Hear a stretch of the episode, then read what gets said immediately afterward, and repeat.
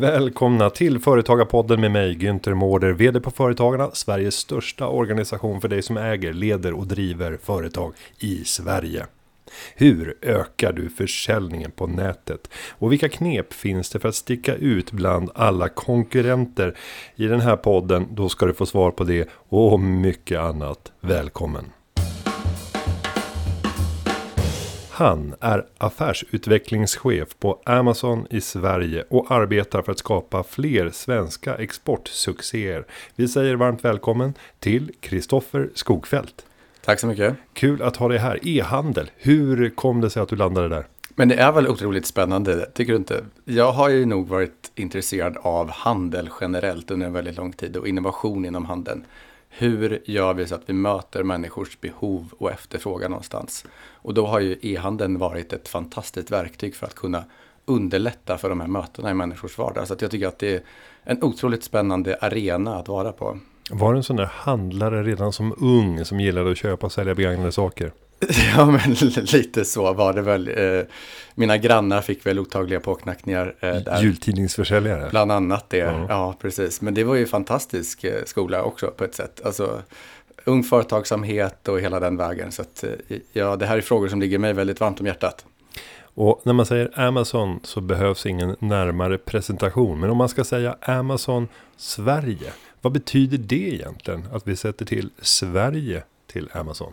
Men det är väldigt kul nu tycker jag att, att Amazon har etablerat sig på den svenska marknaden. Vi är snart tre år in här. Vi har börjat bli lite, lite mer rutinerade, varma i kläderna på hur vi ska hantera den svenska marknaden. Det känns fantastiskt. Eh, om man tar ett steg tillbaka så kan man ju beskriva Amazon som, som en marknadsplats där du kan sälja eh, och köpa varor av, av både eh, företag och av Amazon. Är den svenska marknaden annorlunda? Nu har ju ni ett eh, globalt eh, eh, nätverk. Skiljer sig den svenska marknaden åt för Amazon jämfört med andra? Du menar vilka kunder vi har? Och sådär. Ja, men om man tittar på förutsättningar att kunna bedriva den här handelsplatsen mm. som den är. Vilka kännetecknen som karaktäriserar Sverige? Det är klart att när Amazon gick in i Tyskland till exempel så var fortfarande postorder det dominerande sättet att handla, vilket det även var för bara några år sedan på den tyska marknaden. Och då att komma in som Amazon där för 20 år sedan och helt och bli synonymt kanske med e-handeln. Det är revolution. Ja, det, det, är, det är otroligt att kunna ja. leda den utvecklingen då. Lite, vi hade inte riktigt samma situation i Sverige för två och ett halvt år sedan. Sverige är en otroligt mogen och välutbyggd e-handelsnation och det är ju fantastiskt kul då för oss att kunna bara sätta oss ner vid det här, det lite dukade e-handelsbordet kanske och förstå vad kan vi bidra med och på vilket sätt kan vi möta kunder och innovera och, och på deras vägnar. Och det är det vi har ägnat väldigt mycket tid åt. Lyssna, förstå, vilken plats tar vi och hur ska vi kunna hjälpa svenska företagare, svenska företag och svenska konsumenter att, bli, att bli smartare och att sälja mer egentligen. Och om vi tar den typiska svenska företagaren som säljer en produkt och den produkten riktar sig mot en konsumentmarknad. Hur tycker du att man ska förhålla sig till en aktör som er, Amazon? Jag tycker så här att eh, det viktigaste är att skapa en strategi för vad marknadsplatser ska göra för dig. Det kommer inte bli mindre av marknadsplatser, varken i Sverige eller Europa eller i världen tror jag. Det är en ganska så enkel spaning. Och det viktiga är då att man som företagare förstår vill, vad, vad, ska jag göra här? Vill jag vara på en marknadsplats eller vill jag inte det? Eh, jag går igenom det här grundligt och kanske ta hjälp av någon för att förstå vad det här kan göra för dig. Och sen behöver det inte betyda att alla måste vara, vara på Amazon, men jag tror att, att bara göra den hemläxan är ganska nyttigt.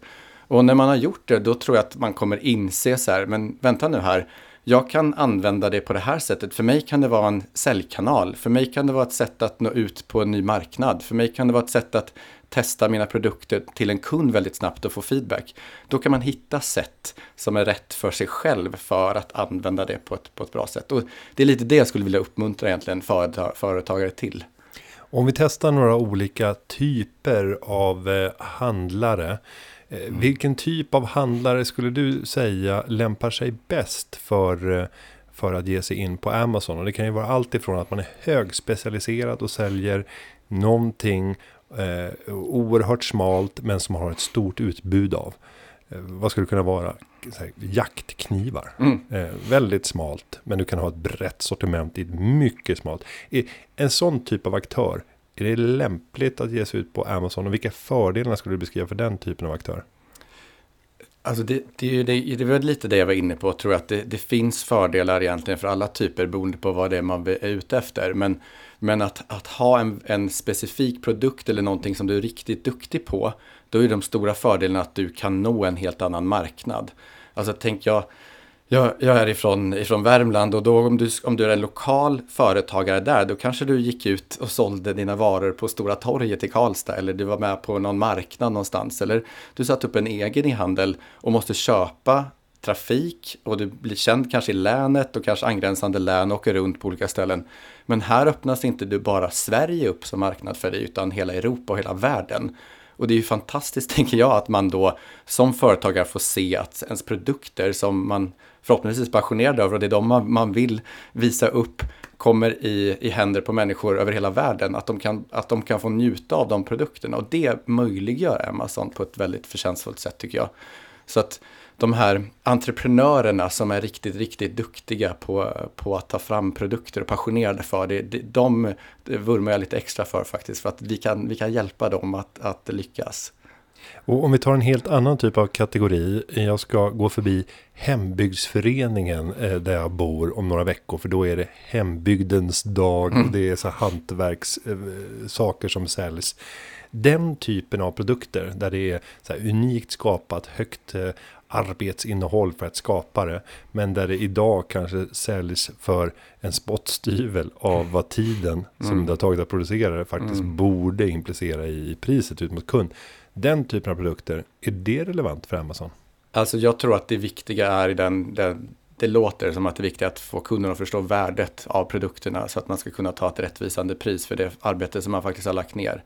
Och, och förhoppningsvis så kan man göra det. Det jag kommer återkomma till egentligen är, är samma dynamik. Att om du, om du breddar din, eh, ditt utbud så kommer du få eh, eh, större möjlighet att sälja till flera människor.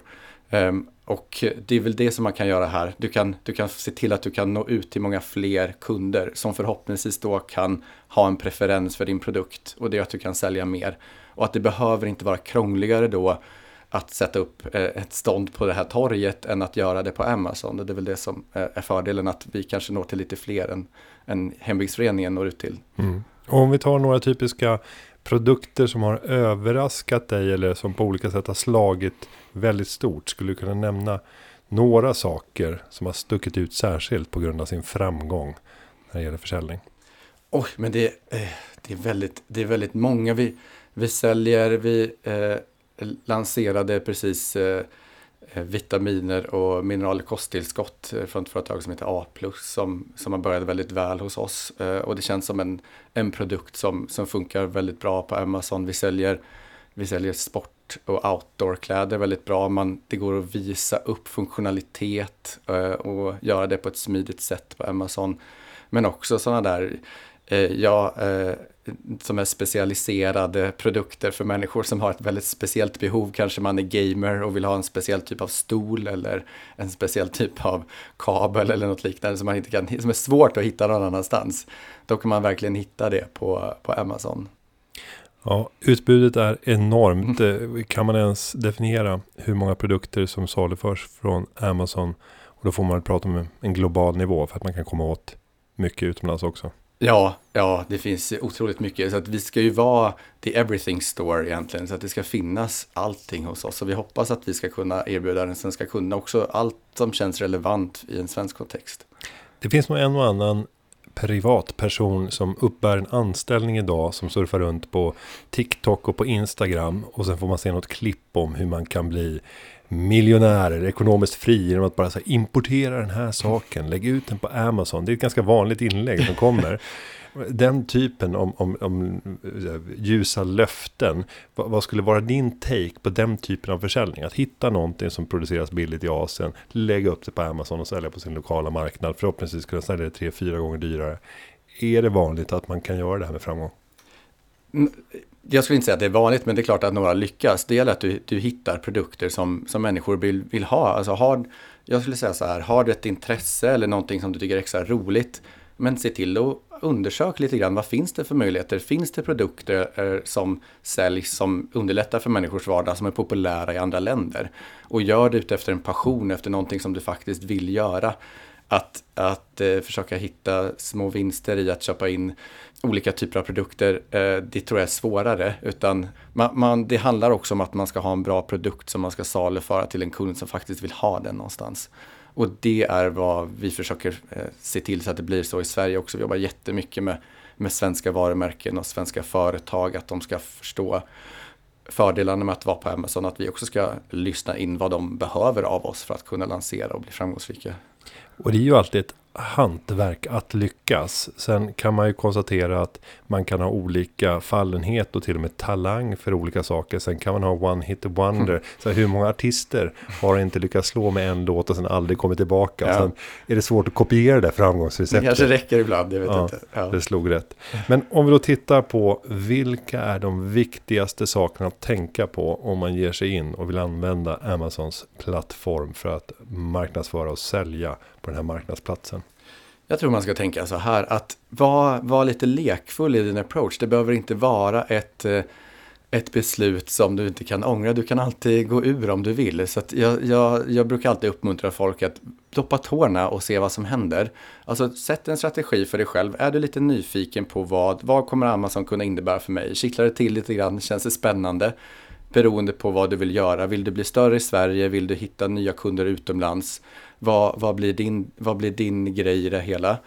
Och sen så prova. För att Amazon är också eh, eh, en möjlighet för dig att kunna förstå vad det faktiskt kommer leda till sen. Så att man väl är där och kan få feedback från kunder. Du förstår mycket mer om dynamiken också på plats.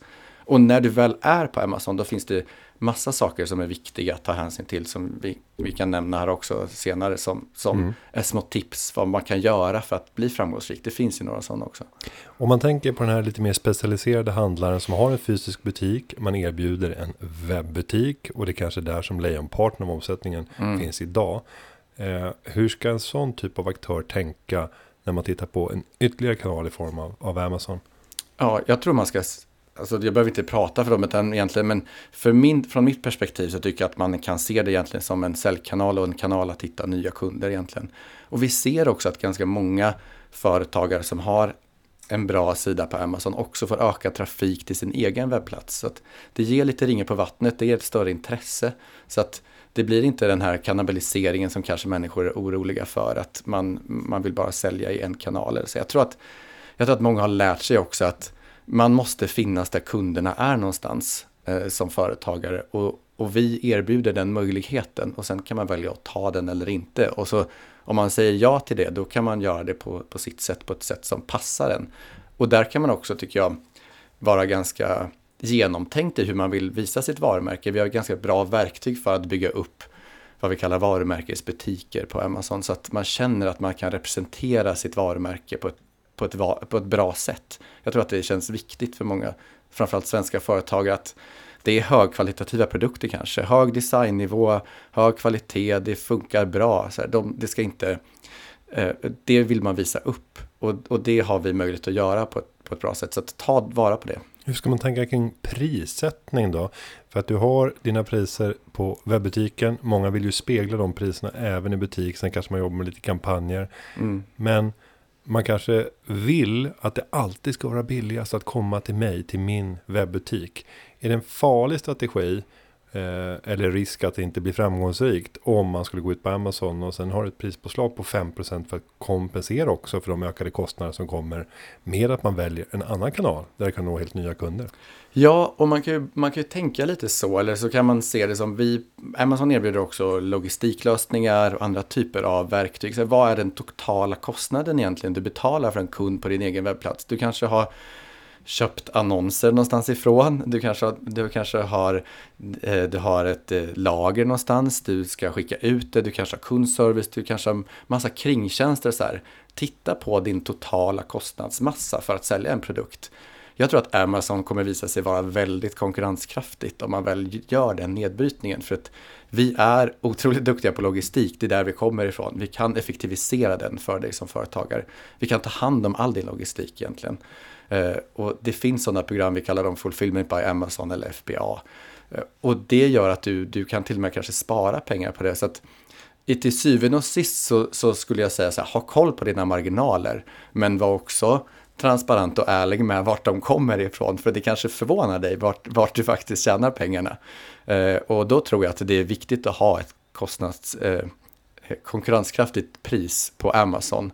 Eh, om man vill sälja saker där så är det dumt att det är dyrare där än någon annanstans. Och precis som i den fysiska världen så gäller i digitala världen i ännu högre utsträckning att du måste synas, du måste tränga igenom. Vilka generella tips finns för att eh, tränga igenom och faktiskt få sina produkter synliggjorda och framförallt i de här algoritmerna som sorterar fram. Du kanske är intresserad av det här. Exakt, och det, det låter mystiskt och det är lite mystiskt också faktiskt hur, hur det går till. Men det är väldigt, väldigt viktigt. Och när man har, man har gått igenom registreringsprocessen på Amazon, man har lanserat sina första produkter kanske, då är det, säger jag, då ska man börja direkt med att jobba med att bli upptäckt av kunder. Du måste, du måste se till att kunderna ser dig. Precis som när du har din egen e-handel eller om du går eh, ut på gatan och ska sälja någonting eh, och, och, sätta upp ett, ett stånd någonstans eller ett torg, på ett torg. Hur hittar du kunder? Och då har vi massa verktyg såklart då eh, på, på Amazon som du kan ta hjälp av. Du kan laborera lite med att köpa sponsrade annonser, du kan ha kuponger och du kan vara med i olika typer av deal-event. Du kan jobba på olika sätt tillsammans med oss så vi, vi kan säkerställa att kunderna kommer i alla fall få en chans att se dina produkter.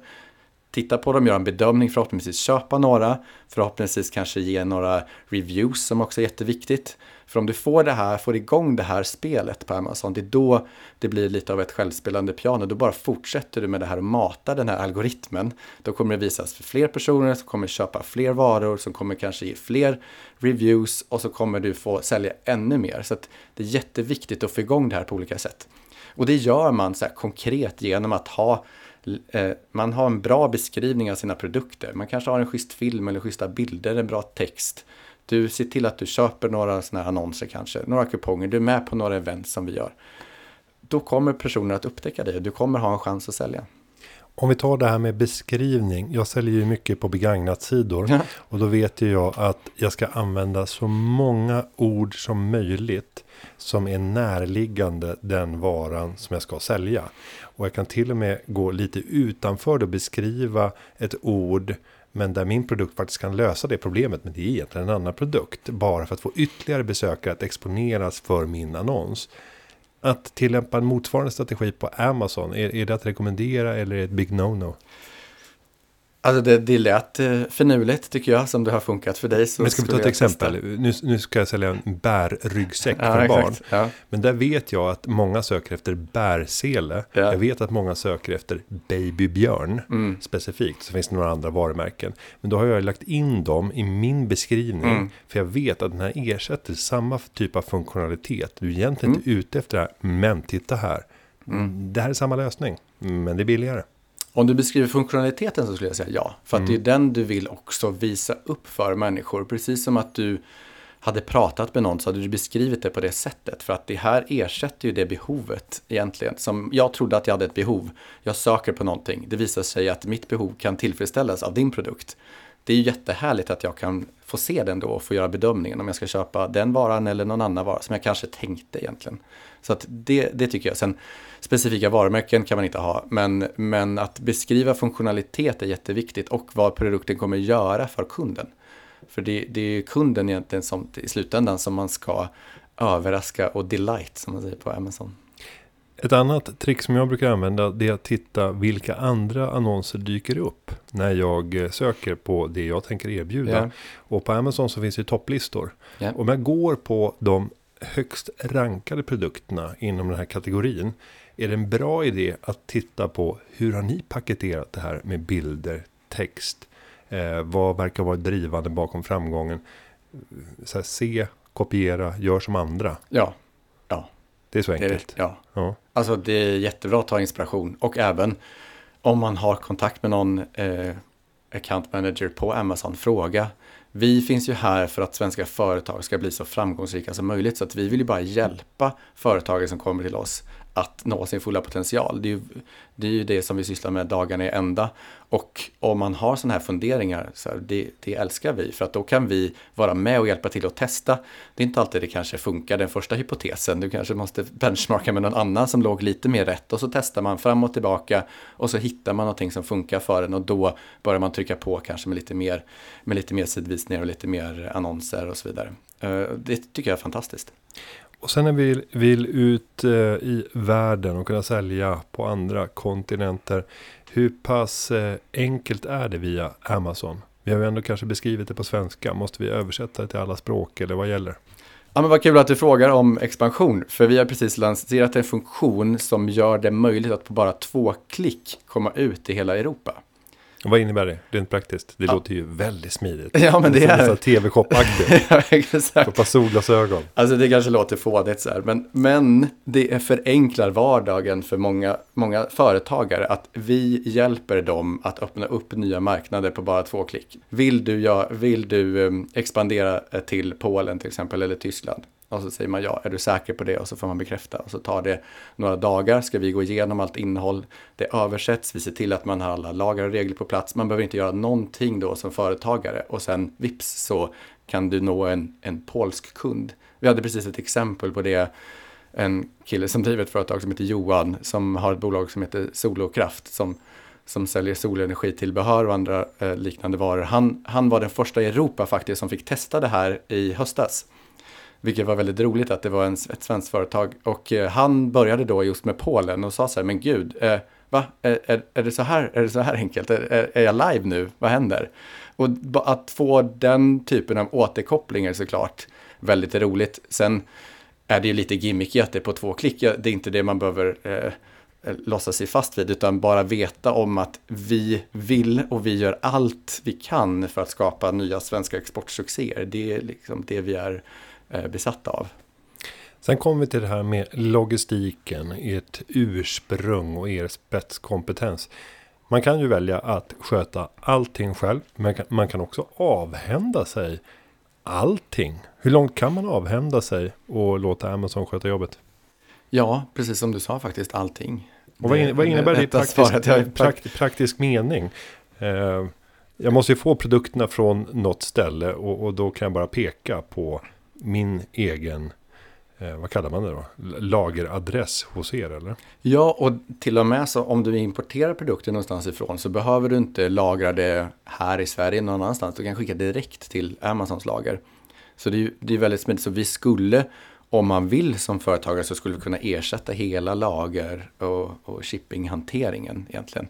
Och det är just det här programmet då, FBI Fulfillment by Amazon, som, som är väldigt populärt måste jag säga. Och, och eh, det, är ju, det är ju för att vi kan logistik. Vi får sådana storleksfördelar. Det är, det är en av våra core-expertiser. Eh, så det, det är ju väldigt kul att kunna erbjuda det också till svenska kunder för att du då kan skicka dina varor till ett lager i Tyskland. Eh, vi kan till exempel då därifrån distribuera det till resten av Europa så att du får en jättehög servicenivå så att du kan leverera varor till kunder i andra länder, i Spanien, i Frankrike, i Italien eh, på en till två dagar. Eh, men du har bara skickat det till ett lager till exempel. Men vi ser till då via algoritmer att de varorna finns på de ställena där de efterfrågas. Du kan också såklart skicka det till ett lager i Eskilstuna, skicka det dit, hit till Sverige om du säljer på den svenska marknaden och så vidare. Så att det är en, en, en väldigt uppskattad funktion. Men sen kan man göra det själv om man, eh, om man vill bara prova på det lite grann, inte binda upp sig för mycket, inte skicka in det till någon lager, lagerplats. Du kanske har en redan befintlig sån eller gör det själv hemma och har startat upp eh, ditt bolag så, så kan man eh, så skicka varorna till slutkund själv. Det är inga problem. Om vi tittar när det kommer till handel så vill man, vill man ju att det ska vara Eh, en jämn spelplan mellan alla. Och när vi tittar på kostnader för att skicka saker i olika delar av världen så skiljer det sig kraftigt åt. Vi har ju en del av vårt bistånd paketerat som nedsättningar på eh, transportavgifter eller på porto om man så vill. Det här har ju öppnat upp dörren för mängder av så här, kinesiska aktörer. Eh, många av er kan säkert namnet på de här som levererar massor med saker och skickar enskilda produkter. Och då får man u-landsporto, vilket gör att det är billigare att skicka det från Kina än att skicka det från en stad till en annan stad i Sverige. Hur påverkar den här typen av ojämn spelplan en aktör som Amazon som både har en lokal verksamhet i Sverige men där man också erbjuder en global spelplan? Alltså det som vi är fokuserade på egentligen det är att göra det så enkelt som möjligt för svenska företag och företagare att nå ut på den europeiska marknaden. Och det gör vi med de verktygen alltså vi kan just med de här FBA-verktygen och att man kan skeppa det bara till ett lager och så vidare. Så vi, för, vi försöker eh, att eh, hantera, att hela det här och hantera de frågorna vi får från svenska företagare för att kunna göra det så, så enkelt och billigt och smidigt som möjligt. Jag tycker att vi har en väldigt attraktiv produkt här på marknaden egentligen som, som företaget kan ta del av. Mm. Ja, men ni, alla som lyssnar, ni får gärna väcka den här frågan. Frågan är om vi ska fortsätta med, med det där stödet. Jag vet att det är många som är kritiska inom e-handelsvärlden till det. Men det är inte huvudfokus här. Kundrecensioner har vi varit inne på. De är viktiga. Ja. Eh, hur viktiga och hur ser man till att få dem? Ja, och det är ju, det kan man också tycker jag eh, fråga runt lite grann. Det finns, det finns ju experter på allt möjligt när det kommer till Amazon. Jag tror att vi till och med har 30 olika agenturer som jobbar med att hjälpa svenska och nordiska bolag eh, redan nu etablerade. Så att det börjar byggas här infrastruktur kring Amazon i Sverige redan och hur man lyckas väl på Amazon, vilket är väldigt kul. Så man kan ta hjälp av dem kanske. Men, men, men det handlar om att, att på olika sätt försöka uppmuntra egentligen. Så, så enkla knep ibland som att att man kanske har, att det står någonstans på produkten man säljer som kommer i förpackningen, att lämna gärna recension eller liknande. Man, man kanske jobbar på det sättet. Med en QR-kod direkt in till butiken eller? Till exempel så kanske man gör så. Det finns många sätt att hantera det, men jag skulle verkligen uppmuntra att, eh, att man eh, som företagare gör det om man, eh, på Amazon. För att det är en av de aspekterna som gör att man blir högt rankad, vilket är någonting man vill. Så när man söker på en, någonting som du var inne på tidigare så vill man såklart komma så högt i ranking som möjligt. Och recensioner och hur man svarar på recensioner faktiskt är viktigt. Och även då pris, snabbhet, tillgänglighet och massa andra aspekter. Så det är inte bara det. Men, men även om man då får en recension som som man kanske tycker att man förtjänar ett högre betyg eller någon hade en fråga. Så till gå in och svara så är allting eh, frid och fröjd. Så det handlar mer om att man ska bemöta kunden. Vi finns där för, för kunden som ska kunna få en bra upplevelse egentligen. Om vi tittar på några av de mest framgångsrika handlarna jag har själv delat ut pris till flera stycken som har vunnit årets unga företagare eller årets företagare. Eh, så beskriver många att de har velat ha ett personligt anslag i paketet de skickar. Mm. Så många av de där har haft olika typer av personliga hälsningar och liknande för att öka känslan av att det här är från mig till dig. Och kanske öka sannolikheten för att få en recension och en positiv sådan. Kan man få den här typen av tjänsten i era logistiklösningar? Om jag säger att jag vill alltid att det ska följa med den här handskrivna hälsningen. Alltså till då, det här paketet. Precis, då kan man vara lite kreativ kanske och försöka ha den på sin produkt redan mm. från början. Och det, det kan man ju tänka till kring hur det skulle kunna gå beroende på vad för man har för produkt. Men jag, jag, tycker att det är smart att tänka lite kring de här lösningarna. Så här, hur kan jag uppmuntra eller, eller se till att jag får fler recensioner, får fler, fler kundbetyg, får fler som, som vill va, göra en bedömning över vad, vad upplevelsen var för min produkt. Ja, det, det, finns mycket att göra. Ja, det kan vara också att man kanske, man kanske skriver någonting om det på sin egen hemsida eller man, man kan göra det på massa olika sätt, tänker jag. Och jag tänker att det går att, utveckla rätt mycket om man också tänker möjligheten i en svensk kontext att kunna använda BankID för att aktivera olika typer av extra tjänster. Idag kan vi ju alla identifiera oss i relation till en produkt. Jag ska själv ge ut en bok och då tittar jag på bokförlaget så tycker jag att de är väldigt uråldriga. För man kommer med den här fysiska boken och sen ska den pumpas ut och sen ska det bli en pocket och sen ska mm. den pumpas ut och sen kommer någon ljudbok, den kanske har kommit innan. Men jag började föda idén kring så här, borde det inte egentligen finnas en QR-kod i den här boken? Och då får du access till det här levande materialet i den digitala kontexten. Du identifierar med BankID, då börjar en prenumeration. Mm. Och den prenumerationen är kostnadsfri om det är första gången den används för just den här QR-koden i den här boken. Och då gäller det för ett år. Men om någon annan tar, tar över boken och ger bort den, ja, men då kommer deras erbjudande vara starta den här prenumerationen för 9 kronor eller 19 kronor i månaden. Det är väldigt få som har tänkt sådär. Eh, har du sett några sådana typer av exempel där man tar en fysisk produkt, adderar på någon typ av tjänsteinnehåll som aktiveras och där man använder någon typ av identifikation för att se till att den ja, produkten innebär. Det låter superintressant tycker jag. Vi, vi jobbar med jättemycket olika typer av innovation på Amazon. Så att du kanske vill vara med och hjälpa till här. Ja, jag får titta. De, ja, de, blev saliga på bokförlaget. När bara, det här skulle kunna bli världens grej. Jajamensan, men varför har ingen tänkt innan? Ni, ni lider och har jätteproblem. Så här, hitta nya typer av digitala produkter. Ja, men och jag tror att det, det, är ju många som är inne på de här delarna. Jag ska eh, inte förminska din idé, men vi, det är just det här med QR-koder. Att man också kommer in, man kanske bygger ett community du lägger, alltså det finns folk som säljer då kosttillskott, lägger en QR-kod i varje burk som blir unik redan från fabriken. Så när du öppnar så finns den där, du scannar den, du kommer in till ett community. De kan rekommendera vad du ska köpa för några grejer igen. Du kan också få andra typer av tips och så vidare så att du blir engagerad till varumärket på ett annat sätt än att det bara blir en transaktion. Och det, alltså det tror jag såklart, det är, det är väl inte en, en alltför vågad spaning att, att det är viktigt i framtiden att, att slippa köpa om sin kund om och om igen utan försöka få återköpskunder och bygga någon form av lojalitet på olika sätt kring det. Nu ska vi gå till de lite tråkigare delarna, misstagen. Eh, du har säkert sett mängder av aktörer som gett ut på Amazon som plattform och gjort en rad misstag och därmed inte lyckats tränga ut. Kan du sammanfatta de typiska misstagen som du ser och kanske tips på hur man undviker dem? Jag tror man ska tänka att Amazon inte är en sprint utan det är ett maratonlopp. Kanske en halvmara i alla fall. Det har jag sprungit själv så det, det klarar man. Eh, så att ge dig ut men var lite långsiktig också. Alltså det, det, går oftast bättre då för att det tar en tid att, att pejla in exakt hur man ska göra. Framförallt om man inte har vanan av att vara på en marknadsplats än tidigare. Så det, skulle jag, det skulle jag rådge företagare och även då tänk till lite grann så här, innan. Vad ska det här fylla för funktion i mitt bolag? Är det eh, försäljningskanal? Är det ett sätt att doppa tårna i en ny marknad? Att kunna börja med export till Tyskland kanske eller till andra länder? Eh, är det det jag vill göra? Ja, men skräddarsy då din egen Amazon-resa för det. Eh, se till att du lägger lite tid på att beskriva produkterna som du vill sälja.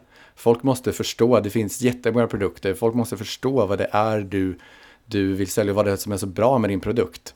Och det, jag tycker bara att det är egentligen härligt, en möjlighet att kunna, att kunna försöka, som du beskrev tidigare, vara lite kreativ, tänka vilket behov är det faktiskt jag fyller hos den kund som ska köpa det. kanske inte är exakt en konkurrent jag ska titta på, det kanske är någonting större än det. Eh, och det är viktigt. Så ta schyssta bilder, lägg lite tid på det, kanske någon film, se till att du laddar upp bra innehåll då har du jättebra förutsättningar för att, eh, för att bli lyckosam på Amazon. Och sen då det som vi tog eh, upp tidigare, se till att du blir upptäckt av kunder. Eh, jobba med verktyg som vi kan erbjuda för att någon ska faktiskt se det du har att sälja. Det är också jätteviktigt. Och, och, och då, när man väl gör det så, så brukar det oftast gå ganska bra tycker jag. Eh, så att det, vi återkommer till de här stegen ganska ofta faktiskt när vi pratar med företagare.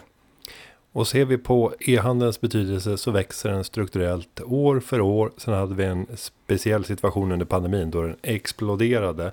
Och sen var det en liten tillbakagång efteråt. Men sen är den inne på den strukturellt stigande trenden. Eh, men samtidigt så ser man att den svenska marknaden ligger långt efter många andra marknader i e-handel. Vi tycker ju att vi verkligen är i fronten. Tittar man på Storbritannien som ett bra jämförelseobjekt så ligger de långt före. Eh, vad, vad, kan du se när du tittar ut i världen för att bedöma hur kommer den svenska utvecklingen se ut för de kommande fem åren? För det är den fråga som företagare ställer sig. Varför ska jag finnas här? Alltså jag är kanske lite biased, men jag tror ju att eh, marknadsplatser kommer att spela en allt större betydelse. Sen behöver det inte nödvändigtvis bara vara Amazon. Jag tror att det kommer säkert finnas många fler nischade spelare också. Om man tittar på marknadsplatsernas andel av e-handeln så står de för kanske 30 procent eller liknande i många andra europeiska länder. Och jag vet inte ens om vi är uppe på tvåsiffrigt i Sverige. Så att det, där kommer det hända någonting. Eh, det kommer vara jättestark tillväxt. Jag tror att du har upp 80-90 procent i Asien och Kina på, som sker på marknadsplatser. Att inte den utvecklingen också skulle vara i Sverige och Norden har jag svårt att se. Eh, jag tror också egentligen att det kommer knytas till mer tjänster, upplevelser och ett holistiskt perspektiv i hur jag vill engagera mig med ett varumärke och en produkt. Och att redan nu tänka till lite kring det tror jag är ganska smart. Så här. Som, som man var tidigare, vad finns det för, så här för eftermarknad att bearbeta? Du har sålt en produkt, men, men vad händer sen då? Ja, det tror jag är ganska intressant i alla fall att, att svara på. Det, och det kan vara allt ifrån att du, du vill engagera människor och få feedback eller att du vill, du vill bygga ett community på något olika sätt eller du vill utveckla nya produkter tillsammans med människor. Och så, så att, eller komma på nya spännande affärsidéer. Så att, eh, jag, jag, tror att de delarna kommer vävas ihop mycket mer holistiskt i framtiden. Men om jag använder den fulla logistiklösningen hos Amazon, får jag reda på vilka alla kunderna har varit? Kan jag få ut den datan? När det kommer till data så är ju Amazon ganska restriktiva. Eh, så att jag tror att det är, det är svårt för mig att sitta och göra något generellt svar, men, men eh, eh, vi är ganska restriktiva när det kommer till vilken data vi lämnar ut och sen så får man nog ta det direkt när man, när man står i, i, i liksom till för att sälja exakt vad man kan se och inte, för det, det är lite olika. Ja, för jag tänker just efter affären, om man mm. vet att här har jag tusen stycken som har köpt den här produkten, nu har jag hittat den här produkten, sannolikt mm. så är de där tusen de, de eh, enklaste potentiella tagarna om jag bara får en direkt relation med dem. Ja, ja men och så här, måste du ha en direkt relation med dem? Tänker jag. För att mm. du kan ju också driva en viss typ av affär på Amazon eller andra marknadsplatser. Och du kan driva en kompletterande eller liknande affär på din egen e-handel. Och du kanske har en fysisk butik där du driver en kompletterande eller liknande affär där, där det hela tiden speglar varandra och blir ett holistiskt tänk. Jag tror att man inte behöver heller tänka att alla delar ska göra exakt samma eller olika. Alltså du måste syftesdriva det snarare för vilken kund du har i olika kanaler på något sätt. Men knyta det tillbaka till den upplevelsen som du vill ge av kunden. Det kanske, kanske blir väldigt flummigt svar, men, men tänk att du i olika kanaler har faktiskt för möjligheten att kunna möta kunderna med det mindsetet som de har i just den kanalen. Vi vet att många är ganska köpsugna när de kommer in till Amazon. Till skillnad om du är på någon annan sökmotor till exempel och letar efter produkter. Då kanske man bara blir inspirerad. Hur använder du det mindsetet, var människor är i sin tankevärld när de just besöker din sajt då? Det kan vara intressant att fundera på de här nyansskillnaderna, vad det gör med din presentation och hur du vill fånga upp kunder. Och sen även då i nästa steg, så här, hur har du din egen paketering? Din, hur jobbar du med din egen upplevelse för att kunderna också ska kanske hitta till din egen webbsida, din egen fysiska produkt, din nästa produkt på Amazon och så vidare. Det kan man också vara ganska smart kring tycker jag. Nej, för jag tänker just att den där eh, kundrelationen. Jag har själv ett företag som säljer fysiska utbildningar som levereras av frilansande föreläsare. Och eh, de bästa kampanjerna vi kan göra det är när vi går ut till de som redan har köpt en gång. Yeah. Och sen kommer vi med en ny paketerad kurs. Kanske till och med med samma föreläsare men nu är det liksom version 2. Yeah. Ingenting svarar så bra som det. Men när vi har sålt via plattformar, nu är det mm. andra plattformar än Amazon när det gäller utbildning. Då har inte vi direktuppgifterna till de där som har köpt, vilket skapar en utmaning rent marknadsmässigt. Hur ska jag hantera den, för det är, ju, det är ju en förlust att inte sitta med direkta uppgifterna i mitt CRM-system då. Ja, ja, exakt. Och då tror jag att man får jobba med det på andra sätt och försöka tänka kring det. Som jag sa tidigare så kan du bygga en ganska härlig varumärkesupplevelse på Amazon. Så att du hade kunnat gjort det med ditt utbildningsbolag och sen se till att folk hade hamnat på din, på din sajt där du hade kunnat presentera ditt fulla utbud egentligen på Amazon också. Och då är det ju många, om någon redan engagerat sig i ditt, i ditt eh, företag eller köpt någonting från dig, så kanske de blir intresserade. Ja, ah, just det, du, jag köpte ju det här, jag ska se vad gör de mer eller vad är det här, vad är det här för typ av bolag? Beroende på då hur man presenterar sig eller hur man lägger upp det så, så finns det jättestora möjligheter till merförsäljning där. Som inte heller är begränsade av att du kanske fastnar i något spamfilter eller att du inte når ut till den kunden du vill eller att du måste köpa dem igen för dyra pengar. Utan här är ju kunderna redan köphungriga så att säga och intresserade av ditt varumärke. Eh, så att man får kanske lita lite på den processen och prova sig fram för att kunna hitta de här återköpskunderna på ett lite annorlunda sätt än vad man är van vid. Och det är det jag vill utmana kanske företagare till också, att, att våga göra det. Det behöver inte vara på det här traditionella sättet att, att du får in det och så, och, och så vill du ha återköpskunder och så retargetade de på någon på någon mail och så, och så skickar du ut och så vill de ska klicka på någon länk och så här. Det kanske finns andra sätt att också jobba smart med att få lojala kunder. Och det, det tror jag man kan göra på Amazon. Om vi tittar på en annan stor trend när det kommer till eh, e-handeln så är det ju producenterna själva som kastar sig in och skapar det man kallar direct to consumer, eller direkt till konsumenten. Och har egna e-handlare. Och de verkar vara lite rädda för många handelsplattformar. Det finns ju några varumärken som till och med har varit rädda för Amazon och säger mm. nej, vi ska bara sälja via egna kanaler. Vad tror du att det här kommer att innebära när producenterna själva ger sig in i e-handeln? Är det dömt att misslyckas eller kommer det att finnas en värld där det här pågår i flera olika kanaler? Vad tror du? Spaning framåt? Omöjligt att säga men. Nej men det tror jag absolut. Jag tycker att vi redan ser det nu. Att, eh, det som man ibland glömmer bort tycker jag det är att du behöver inte bara ha datainput för att göra någonting som människor vill ha oftast, utan du behöver lägga på någon form av känsla. Jag tycker att man borde alltid blanda arts och science någonstans. Du behöver ha det här lagret av att förstå ett kundbehov, förstå vad människan bakom vill ha, förstå på Amazon säger vi att vi är customer obsessed och det, det, betyder just att allting utgår ifrån kunden någonstans. Så att om du är en duktig producent, det är klart att du kan lyckas eh, och sälja jättemycket till, till människor för att du förstår din kund. Om du inte är det så kommer du inte lyckas. Och jag tror att många av de här också kommer att eh, vara på marknadsplatser för att det är ett sätt att nå ut till ännu fler kunder. Och då kanske man är det med en viss del av sortimentet eller allt sortiment eller lite olika. Det, det, jag tror att det kommer vara också mycket mer sådär, man, man pick and choose lite grann. Vad passar mig? Har jag ett core-sortiment som jag vet är never out of stock, kanske behandlar det på ett visst sätt, är det det som är mitt bread and butter? Sen så gör jag lite andra grejer vid sidan av som jag testar, då kanske jag har dem i en annan kanal eller, eller tvärtom. Så här. Mm, att vara lekfull i det när man tar fram sortiment och när man möter en kund tror jag är jätteviktigt för att kunna, kunna också hitta nya kunder. Men om vi nu har lyssnare som har bestämt sig för att anta utmaningen av den här halvmaran och se om man kan kamma hem en guldmedalj eh, och kasta sig ut och börja sälja på plattform på Amazon. Eh, vad finns det för fördelar för eh, de lyssnare som också är medlemmar i Företagarna? Ja, och det är ju väldigt kul för vi kommer ju börja samarbeta med er på Företagarna. Så att eh, jag uppmuntrar dem att gå till våran kampanjsajt som vi skapar tillsammans med er, vilket är jättekul. Det är första gången vi gör det här tillsammans med en organisation i Sverige.